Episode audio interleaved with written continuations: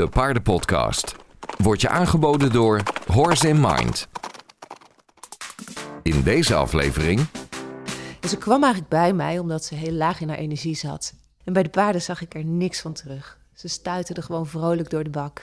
Ik dacht, wat is hier dan aan de hand? En Nova die, eh, die liet eigenlijk zien van... ja, weet je, als ik kan spelen is er niks aan de hand. Maar op het moment dat ik op school zit, dan kwam er niks meer uit. En zat ze eigenlijk de hele dag te overleven. Dit is de Paardenpodcast. De podcast over de verbetering van paardenwelzijn. Voor een wereld vol gezonde en gelukkige paarden. Coaching met paarden inzetten om kinderen met leer- of gedragsproblemen te helpen. Dat is wat mijn gast van vandaag doet. Ze zorgt met hulp van de paarden ervoor dat kinderen weer plezier krijgen in school en leren. Je hoort voor wie het is, hoe dit in zijn werk gaat en hoe paardenwelzijn gewaarborgd wordt bij de coaching. Dit is aflevering 100 met Tanja Stichter. Dit is de Paardenpodcast. Met Rianne Dekker. Ja, nou, mijn naam is eh, Tanja Stichter. En ik ben van eh, Anders Leren met Paarden. Eh, sinds een jaar of vijf, officieel. Eh, en dat is een eh, programma waarbij we kinderen eh, helpen met leren.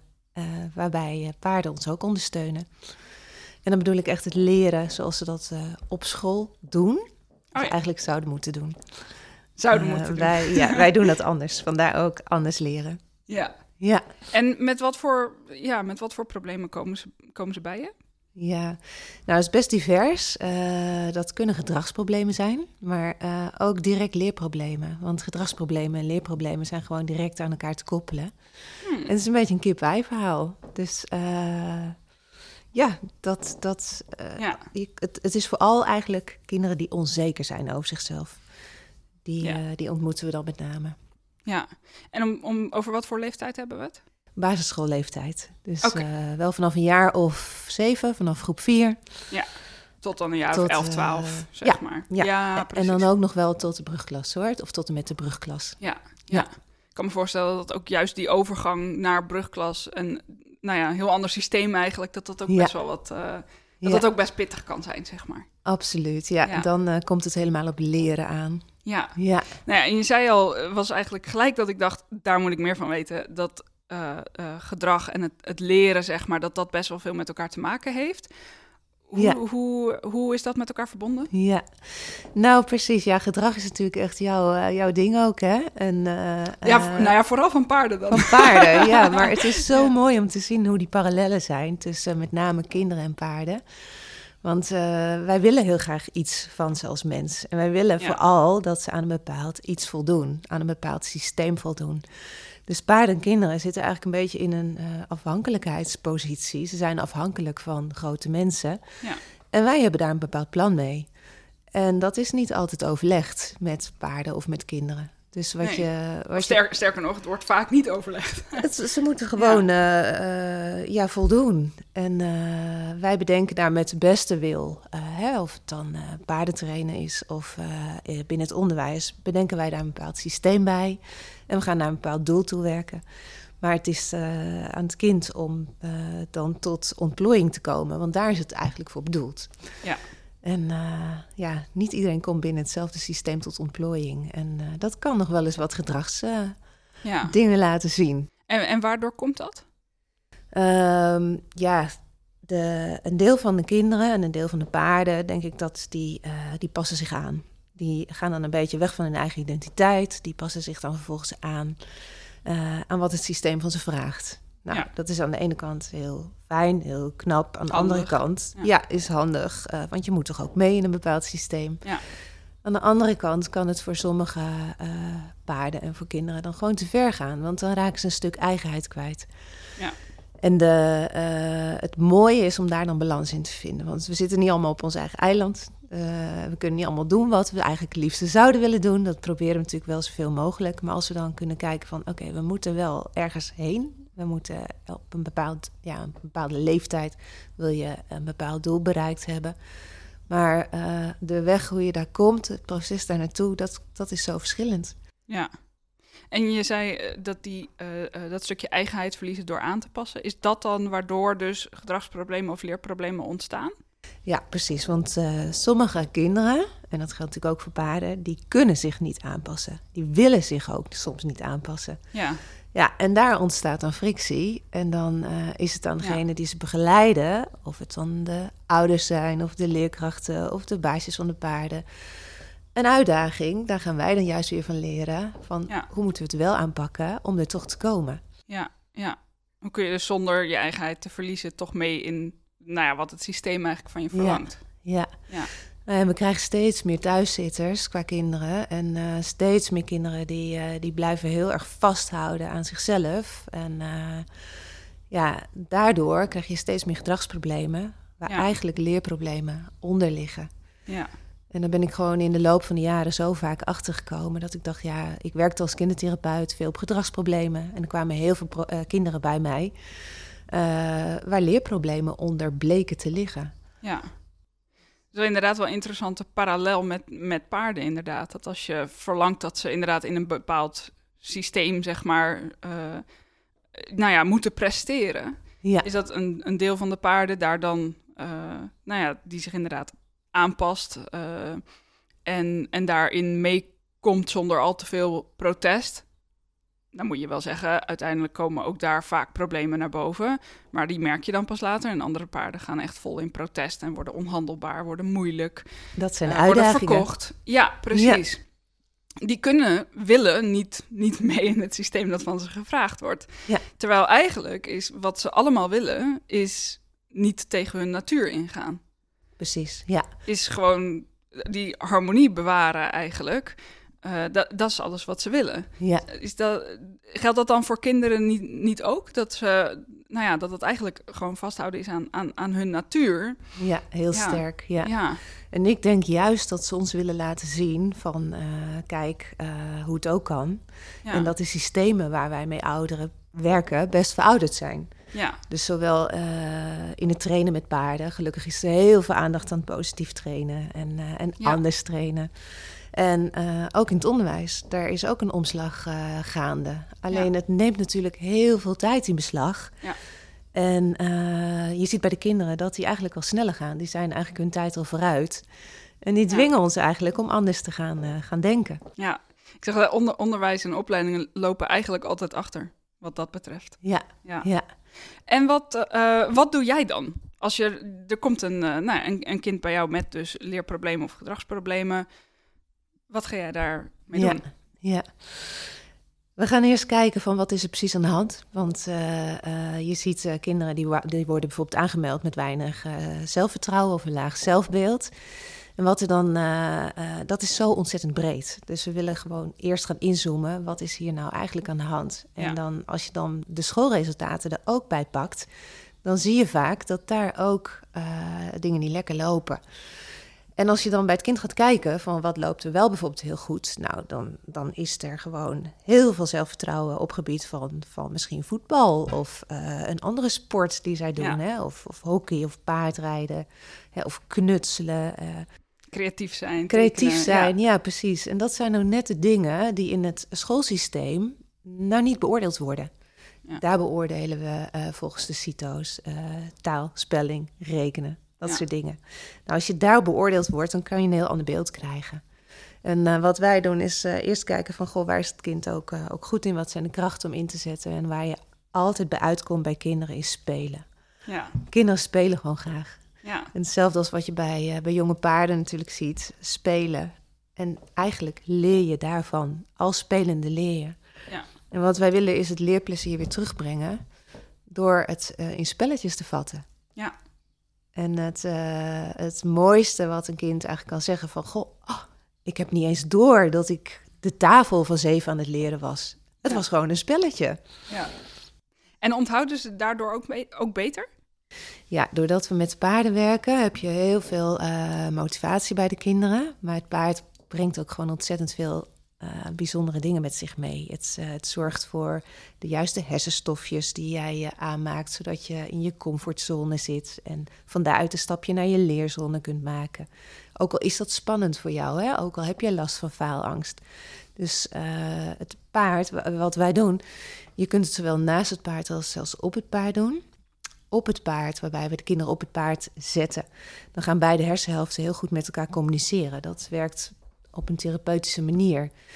En op het moment dus dat het emotionele brein en het rationele brein met elkaar gaan communiceren, dan uh, ben je veel leerbaarder. Dus we kijken natuurlijk eerst of de kinderen voldoende in ontspanning zitten.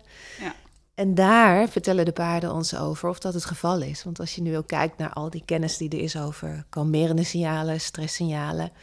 Als een kind nog heel hoog in zijn spanning zit, dan heeft het nog geen zin om te beginnen met iets nieuws aan te bieden. Dus uh, dat is hetzelfde als je een paard iets wilt gaan leren dan ga je ook liever vanuit ontspanning werken dan dat hij nog alert is en op een overleefstand staan, staat. Dan komt het ook niet binnen. Nee, nee. Dus, uh, en aan het paard zien we gewoon van goh, uh, de kalmerende signalen die het paard laat zien. Hè? Staat het hoofd nog heel hoog bijvoorbeeld? Staat het lipje nog gespannen? Staan de ogen nog hard? Ja, dan vertelt dat ons of het kind voldoende ontspannen is, zodat we al kunnen beginnen met het aanbieden van lesstof. Ja. Want dat is wat wij doen. We bieden gewoon lesstof aan. Ja. Alleen dan op spelletjesmanier met paarden. We hebben daar speciale parcoursjes voor ontwikkeld, speciale materialen en werkbladen voor. En uh, we gaan beginnen als het paard ons eigenlijk vertelt van oké, kom maar door, we zijn er klaar voor. Ja, dus in die zin is het paard gewoon een soort extra, uh, nou ja, om het oneerbiedig te zeggen, tool om, het, om beter nog af te kunnen lezen of het kind er klaar voor is. Ja, ja precies. Ja. Het paard wordt door ons ingezet inderdaad als, als tool, om het oneerbiedig te zeggen. Maar we gaan natuurlijk wel heel goed uh, om met het welzijn van het paard. Hè. Vindt het paard dit, dit leuk? Is het paard hier geschikt voor? Uh, uh, want niet ieder paard kun je als coachpaard voor kinderen inzetten. En met anders leren is dat natuurlijk al helemaal specifiek, omdat de kinderen daar dan ook nog eens op zitten. We werken met allerhande materialen, dus ze moeten echt bombproof zijn. Dus uh, we werken met ballen, pionnen, uh, wapperende kaarten en, uh, en bordjes boven de schoft. Ja. Dus het vergt nog wel wat van een paard hoor, mentaal. Ja, want wat voor paarden zouden hier nou bij uitstek geschikt voor zijn? Nou, met name wel de, de aardepaarden. Uh, ik vind vaak ook de wat oudere paarden daar heel erg uh, geschikt voor. Paarden die zelf in hun ontwikkeling ook al een stuk verder zijn. Ja. En die het leuk vinden om met mensen te werken, met name met kinderen. Maar ja. die het ook niet zo'n punt vinden dat er hele onverwachte dingen gebeuren. Dus die, uh, die, die veel kunnen incasseren, maar die dat ook snel weer kwijt zijn. Ja. En, ja, die openstaan voor. Uh, en die het ook leuk vinden. Die, die zelf ook. Omdat we uh, tijdens de sessies. Er is veel plezier. En het paard zit eigenlijk in een positieve vibe dan ook. En er wordt ja. gelachen en er wordt gespeeld. En het paard vindt dat gewoon heel gezellig om daar aan mee te doen. Ja. Vaak begrijpen ze. Een prettige sfeer. Een prettige sfeer, inderdaad. ja. ja. En dat is waar we echt uh, zoveel mogelijk naartoe willen. Dat het niet gaat om. Leren is een beetje besmet woord geraakt. Leren, dat is een beetje synoniem voor werken. Saai. Saai. Moeilijk. En, uh, ja, zeker zoals... Je moeite voor doen. Ja, en eigenlijk hetzelfde als trainen. Hè, ja. Met paard ook, dat je echt denkt, oké, okay, ik moet uh, logeren ja. of ik moet, uh, hè, het, het, ja. want het paard heeft je kan er heel veel nodig. druk opleggen. Ja, je kunt het te serieus maken. En wat wij doen is de modules die we aanbieden, hè, van, van klok kijken en spelling en optellen, aftrekken. Dat gaat, het zijn slechts activiteiten, interventies die we inzetten om te kijken van oké, wat gebeurt hier allemaal? Wat is iemand ja. zijn tactiek? Kun je een voorbeeld geven van een van die oefeningen? Ja, um, bijvoorbeeld met klok kijken. We doen heel erg natuurlijk bewegend leren. Alles, uh, we halen kinderen dus eigenlijk uit de klas. Net als dat we paarden natuurlijk ook gewoon ook graag niet in een box zien, maar lekker uh, buiten in de wei in beweging, dan uh, uh, is je brein al veel meer klaar voor het leren dan dat je stil zit natuurlijk. Ja. Um, we maken bijvoorbeeld een hele grote klok in de bak. De paardenklok noemen we die. En voordat het paard er überhaupt bij is, uh, zijn we aan het opbouwen. En ja, zijn we al aan het bewegen van 12 uur, hè, het hele uur naar het half ja. uur. Daar start het. Daar start het. Daar, ja. ja. daar start het. Je ziet dus al hoe een kind, hè, of als je met een groepje kinderen werkt, aan het opbouwen gaat. Ik had uh, vorige week, dat was ook zo mooi, als ik een meisje met uh, uh, heel veel beweging. officieel heeft ze de diagnose ADHD. Met een ander meisje met heel weinig beweging, fysiek dan. maar wel heel veel beweging in het brein. En, die, en zij had officieel de diagnose autisme.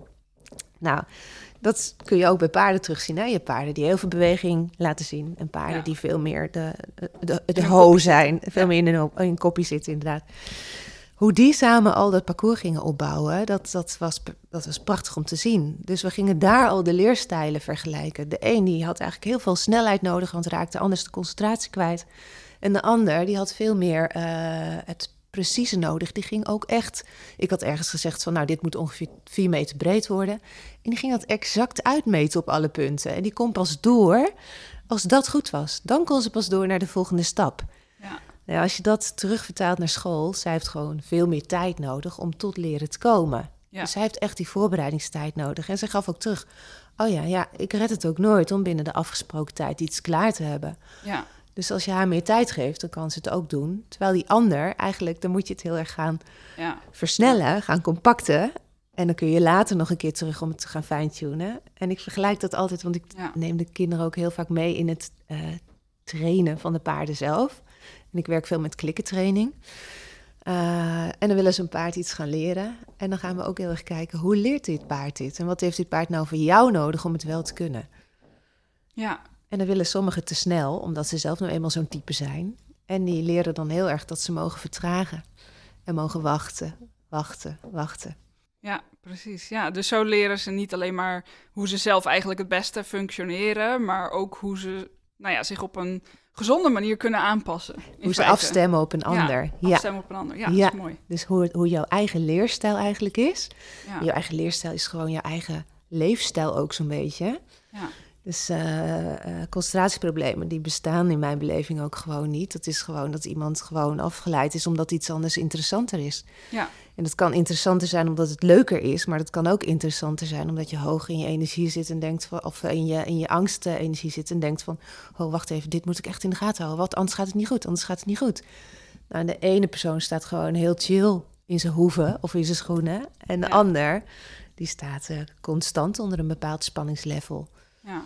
En dat kan vanaf geboorte al zo zijn en dat kan gevormd zijn door de omstandigheden. Dus er, is, er zijn ontzettend veel raakvlakken juist in kinderen en in paarden. ja. En je had het over leerstijlen. Eh, kun je daar wat meer over vertellen? Ja, ja. Ik heb vroeger eh, veel eh, Parelli gedaan. En wat ik zo ontzettend leuk vond daaraan, dat waren de horsenalities. Ja.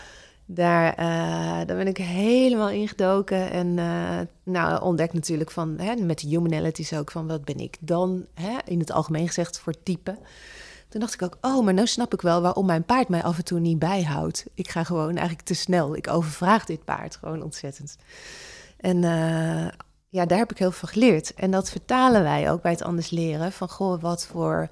eh, en dan noemen wij dat weer kidsonality naar de kinderen Ja. toe. Wat voor eh, type ben jij dan?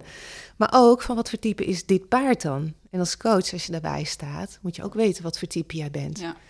Want ik heb bijvoorbeeld, als ik drie kinderen op een middag ga begeleiden achter elkaar. en ik heb er drie achter elkaar die in hetzelfde leervakje zitten qua, qua leerstijl. bijvoorbeeld supersnel. Dan vlieg ik zelf ook een beetje uit de bocht. Maar heb ik er eh, drie achter elkaar die, eh, waarbij ik zelf ontzettend moet vertragen. Ja. dan kan het heel veel energie bij mij weghalen. Dus Ja. ik, ik mix er dan het liefst een beetje. En ehm, ik weet niet of ik nu al op de zaken vooruit loop, maar hoe wordt dat dan? eh, hoe kunnen de kinderen dat vertalen naar hun leren op school of gedrag? Ja, nou, wat we doen is, eh, we leren ze eigenlijk meteen een aantal dingen aan eh, die ze nodig hebben op school. Eh, en dan bedoel ik echt de lesstof, hè, want op het moment dat je een tafel beheerst, voel je jezelf gewoon competenter. Ja. We hebben dan ook in ons logo staan, ik kan het. En dat ik kan het gevoel, dat betekent Ja. ja. dat je gewoon twee centimeter rechterop staat. Ja, dat geeft zelfverzekerdheid. Dat geeft zelfverzekerdheid. Ja, en, als je, eh, en dat verandert jouw mindset. En je merkt dat je dan gewoon dingen makkelijker kunt als je, als je al, al positiever denkt. Ja. Dus, eh, en wat ze eh, ook meekrijgen is dat ze in beweging, dat ze, dat ze wel kunnen leren. We maken het visueel, we werken met vormen, we werken met kleuren. Eh, en we willen het bewegend leren gewoon ontzettend stimuleren. En ook binnen de scholen meer en meer brengen. Dat Ja. is ook gelukkig al veel meer gaande. Net eigenlijk al als je op, uh, in de paardenhouderij ziet met huisvesting. Dat, dat paarden ook al veel meer mogen bewegen in de paddock paradijzers. Ja. Dat we eigenlijk het liefste scholen ook ja, heel anders vormgegeven zien. Ja, nou ja, zeker. Want het, bewegend leren, uh, ja, als je natuurlijk gewoon in, in de klas zit aan je tafeltje, dan, uh, dan is dat best lastig. En als je al wil wiebelen op twee poten, dan wordt er nog wat van gezegd. Ook. Ja, precies. In het gunstigste geval krijg je een wiebelkussen. Ja, ja, nou ja, ja. inderdaad. Maar hoe, ja, hoe kun je daar dan toch uh, nou, mee omgaan als kind?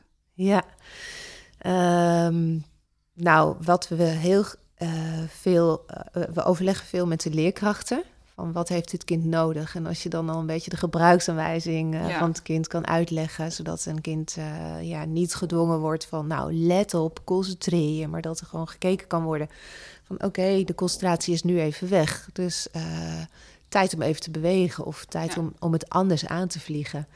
En dat gaat zeker met lange instructies bijvoorbeeld op. Ja. Dus veel kinderen kunnen helemaal lange instructies niet aan. Nee. Die willen gewoon meteen doen. Dus tijdens uh, de instructie, ja, het is een, stukje uh, meenemen van de leerkrachten ook. Ja, en de school wordt er ook gewoon actief bij betrokken, bij zo'n traject. Het liefst wel, ja. Het liefst willen we dat uh, uh 100%. is helaas niet altijd het geval, want heel veel scholen ja. zitten zelf ook in een soort overleefstand. Ja. En die, ja, die willen dan natuurlijk wel, maar die zitten zelf ook in die systemen. Leerkrachten die doen met, met hun beste kunnen vaak wat ze moeten doen. En wat we veel zien is dat veel coaches bij Anders Leren zich aansluiten, omdat ze leerkracht geweest zijn. Oh ja. Maar het zelf heel moeilijk vonden om binnen het onderwijs uh, alle kinderen uh, ja, te helpen, die ze eigenlijk wilden laten helpen. Ze moesten er veel laten, uh, ja, zich ja. laten ontglippen. Ja, ze zien wat er, wat er misgaat, zeg maar, maar, maar kunnen er niks mee. Ja, ja. ja. en doordat ze zelf dan wel de kinderen wilden helpen, dachten ze van, nou, dan doen we dat, gaan we dat kleinschaliger doen als coach in een eigen RT-praktijk of met paarden erbij. En het leuke is, ik heb er van tevoren dus nooit uh, over nagedacht. Van, uh, goh, hoeveel uh, mensen zouden dit nou leuk vinden? Het is gewoon spontaan ontstaan. En het is verbazingwekkend hoeveel leerkrachten ook paarden hebben. of, oh, kijk. Ja, dat, ja, het is een heel bijzonder veld eigenlijk. Ja, ik, nou ja, nu je het zegt, ik ken er ook wel een paar inderdaad. Ja, ja. ja. ja en zij kunnen natuurlijk in beide systemen staan ze dan met één been. Ja. En weten gewoon precies wat eigenlijk nodig is. Alleen missen dan eigenlijk de tools om het ook daadwerkelijk tot uh, ja, uiting te brengen. Ja, want um, uh, als, als coach, in, uh, nou ja, specifiek dan dit, dit type coaching met, met kinderen, wat voor achtergrond heb je, heb je hiervoor nodig? Je moet paardencoach zijn, gecertificeerd paardencoach. En je moet opleiding en ervaring hebben in het werken met kinderen. Want anders leren is uh, puur verdieping op het werken, op het uh, werken met kinderen uh, die leerproblemen hebben. Dus je moet die basis al hebben. Want stel er komt iemand, wordt bij jou aangemeld. Hè, en nou, wat we vaak zien, dyslexie, kan niet lekker meekomen met spelling lezen of het automatiseren van tafels. Ja. En je gaat ermee aan de slag. Je maakt een programmaatje met anders leren met de paarden. Maar tegelijkertijd kan er van alles bovenkomen, zoals bijvoorbeeld een trauma. Of uh, hè, dat kan bijvoorbeeld mhm. zijn omdat iemand overleden is op een bepaalde leeftijd van het kind. Hè, of je ouders zijn gescheiden. Toen zat je misschien in groep drie en heb je uh, even je aandacht ergens anders voor nodig gehad. Ja. Dan dat jij bij de les kon blijven, hè, letterlijk en ja. figuurlijk. Daar heb je dingen door gemist, heb je achterstand opgelopen. Dus dan is het zaak dat die coach ook direct uh, daar weet van heeft en daar ook op kan begeleiden. Ja. ja, dat is dan denk ik wel heel belangrijk. Ja. Om dat punt ook mee te kunnen, mee te kunnen nemen. Ja. Ja. ja. Um, want wat gebeurt er op het moment dat je daar dus geen ervaring mee hebt en daar niks mee kan?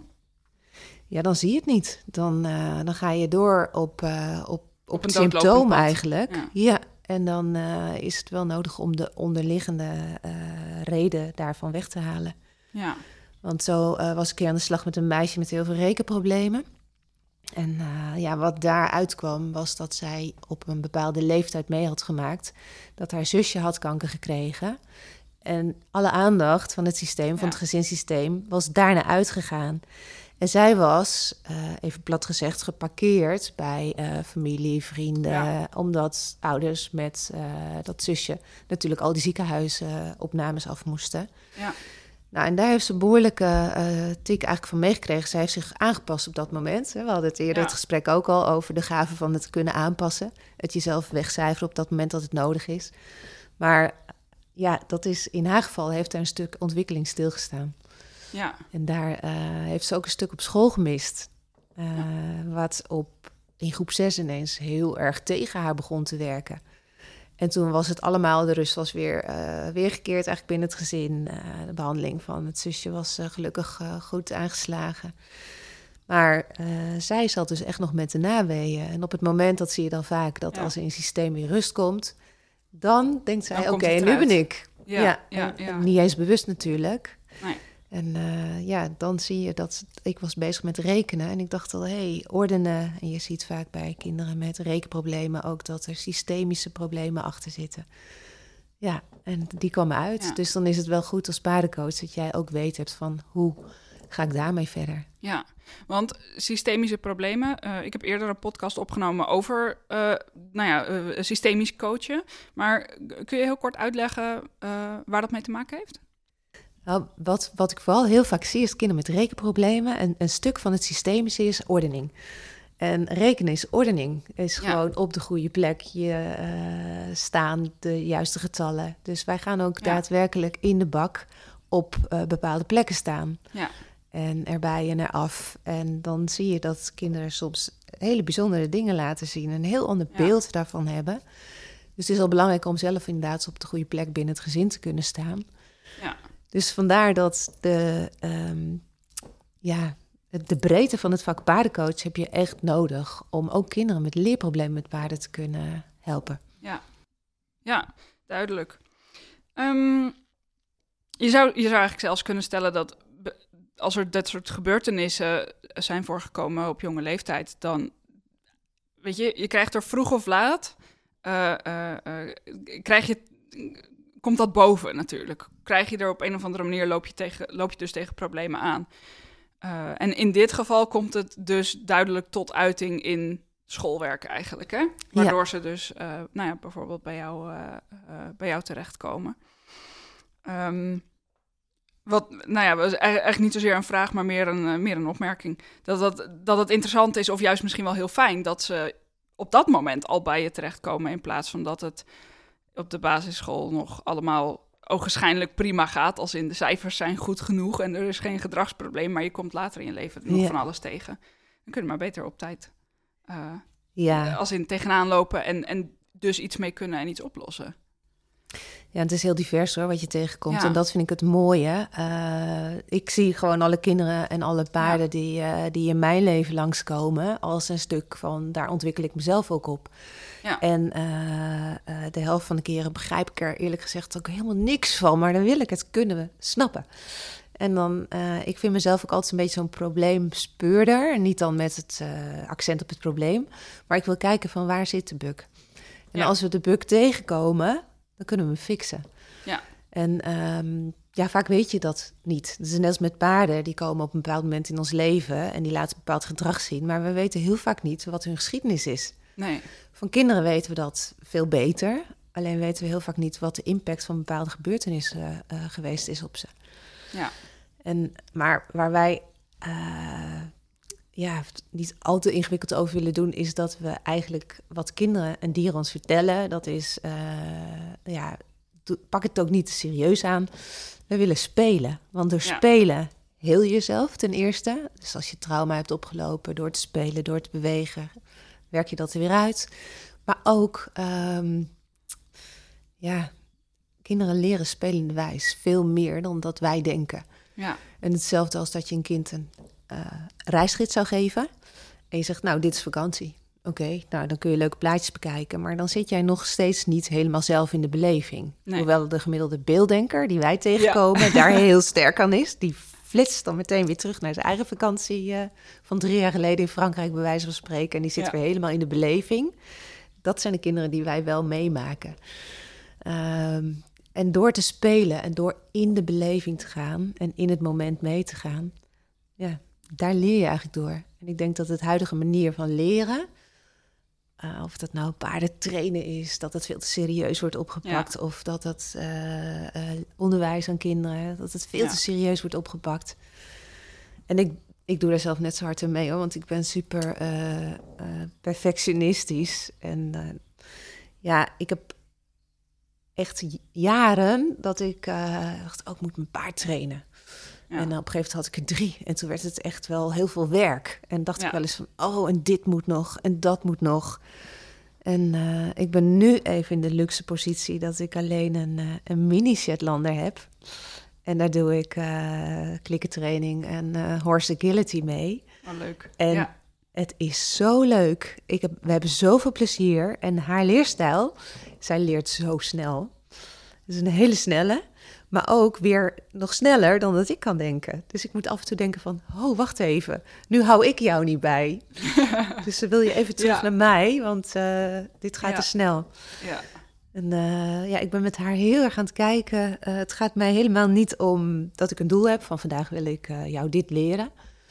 Ik stap er wel in met een bepaald idee, maar dat kan, net als met een sessie met een kind, dat kan zo 180 graden omgaan. Als Ja. ik op een bepaald moment iets zie Echt van afhankelijk van wat er gewoon nodig is op dat moment. ja, Ja. wat ze laten zien en daarop doorgaan. Ja, dus het gaat echt om de, om de interactie en daarin spelenderwijs leren. Ja. Spelende Ja. ja. Dat is echt wel eh, Ja. de missie die ik wil uitdragen. Dat, eh, dat wij als volwassenen ook veel meer eh, moeten gaan spelen. Ja, zeker. Nou ja, Ja. ik moet gelijk denken aan, eh uh, aan eh, ruiterworkshops die ik tegenwoordig eh, met eh, Tessa Roos en Michael Teisterman organiseer.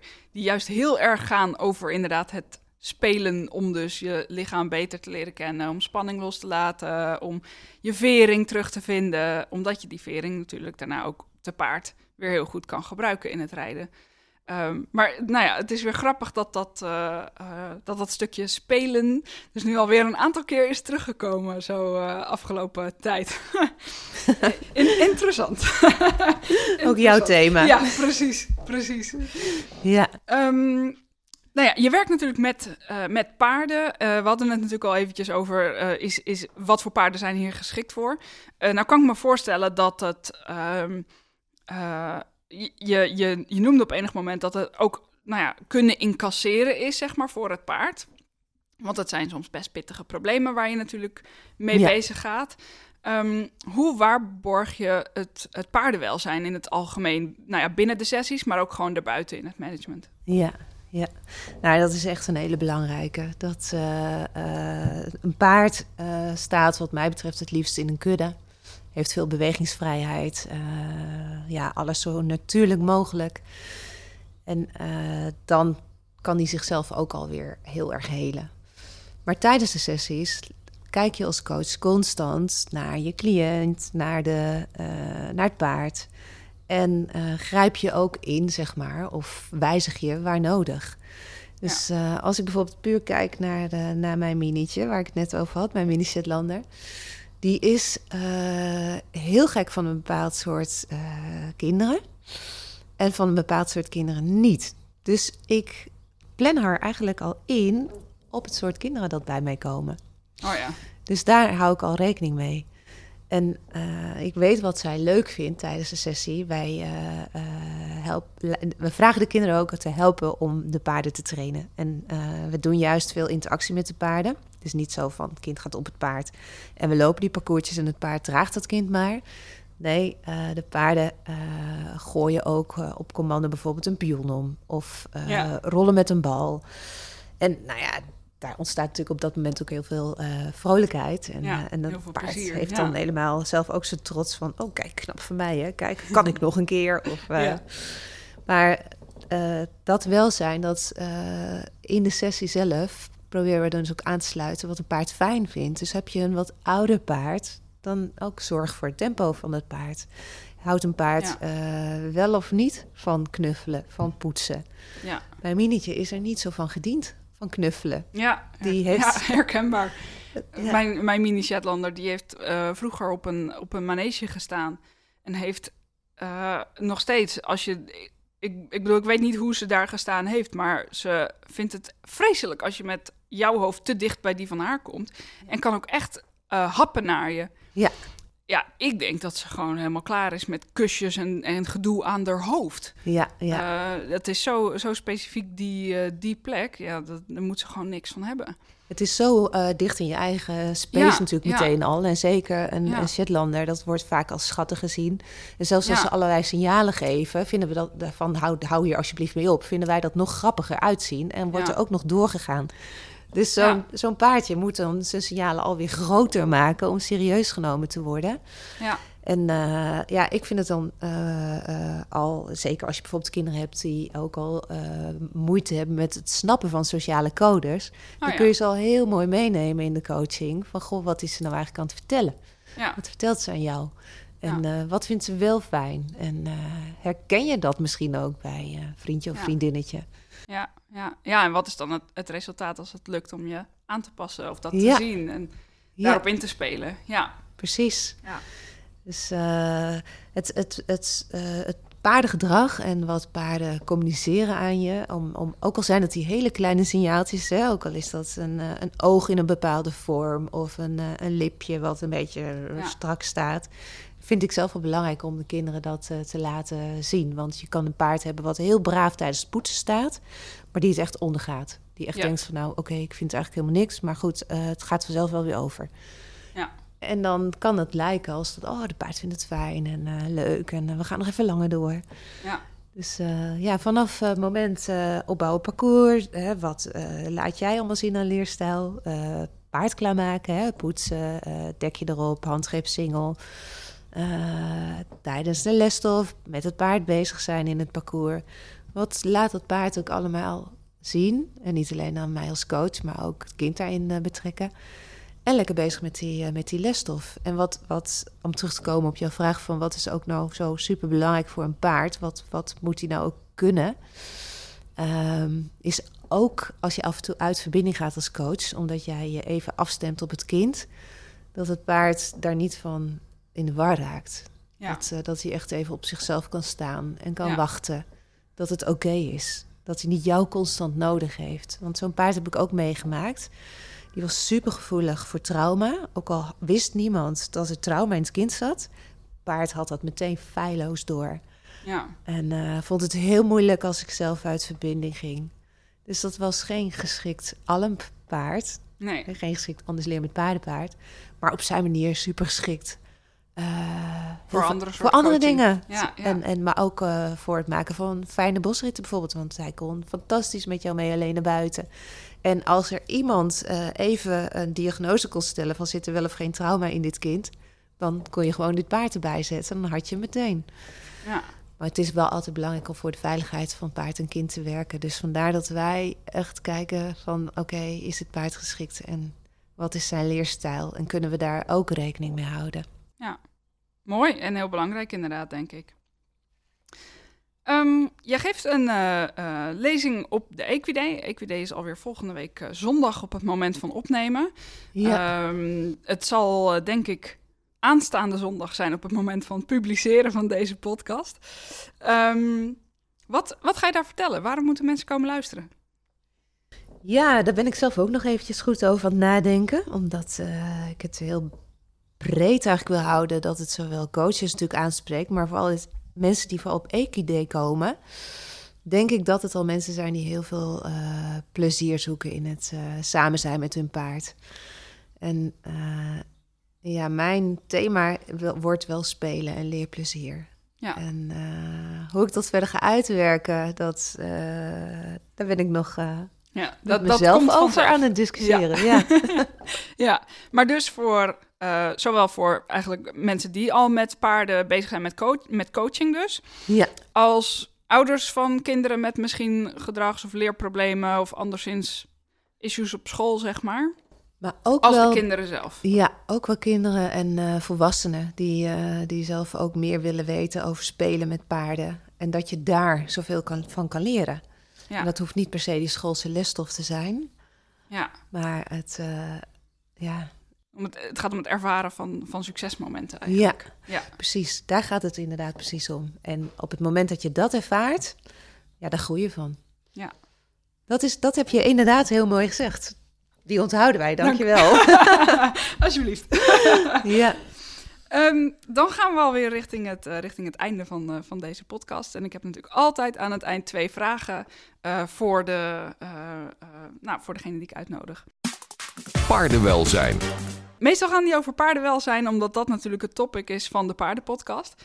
nou heb ik in dit geval ehm, één vraag die echt specifiek over paardenwelzijn gaat. En één vraag die nou, wel iets meer is ingestoken op jouw werk, omdat deze aflevering natuurlijk uh, ook voor een groot deel gaat over nou ja, mensenwelzijn eigenlijk. Uh, maar laten we beginnen met dat paardenwelzijn. Wat betekent paardenwelzijn voor jou? Wat zou jij als definitie hiervan geven?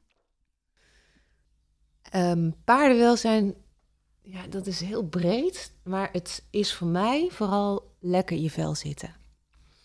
Als paard. En wat er voor nodig is, dat is natuurlijk per paard verschillend.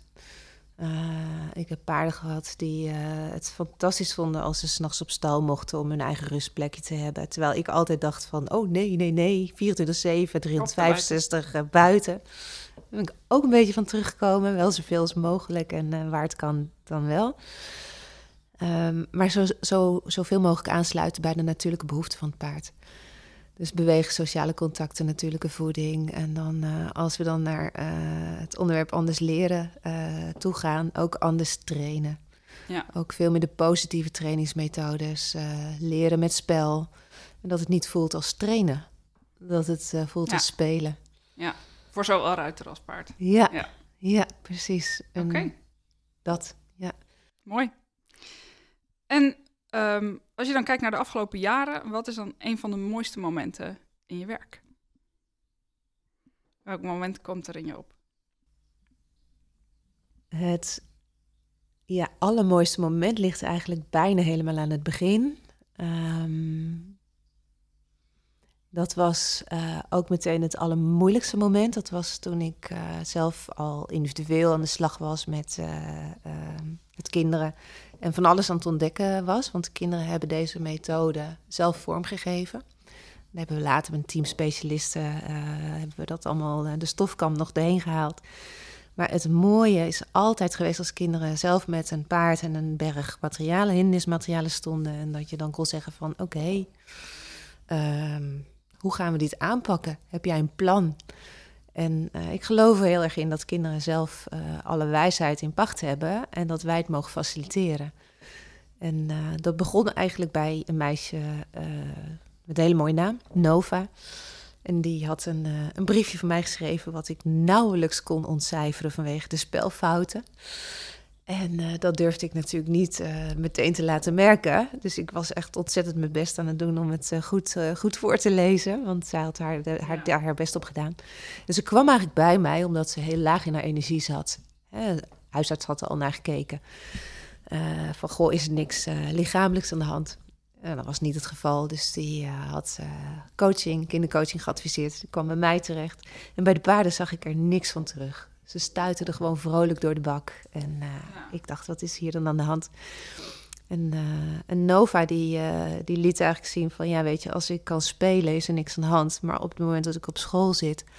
oh, nou, dan kwam er niks meer uit. Dan zat ze eigenlijk de hele dag te overleven. En ze zat in groep 7. En door met haar spelende wijze aan de slag te gaan... konden we een heel stuk leerachterstand inlopen...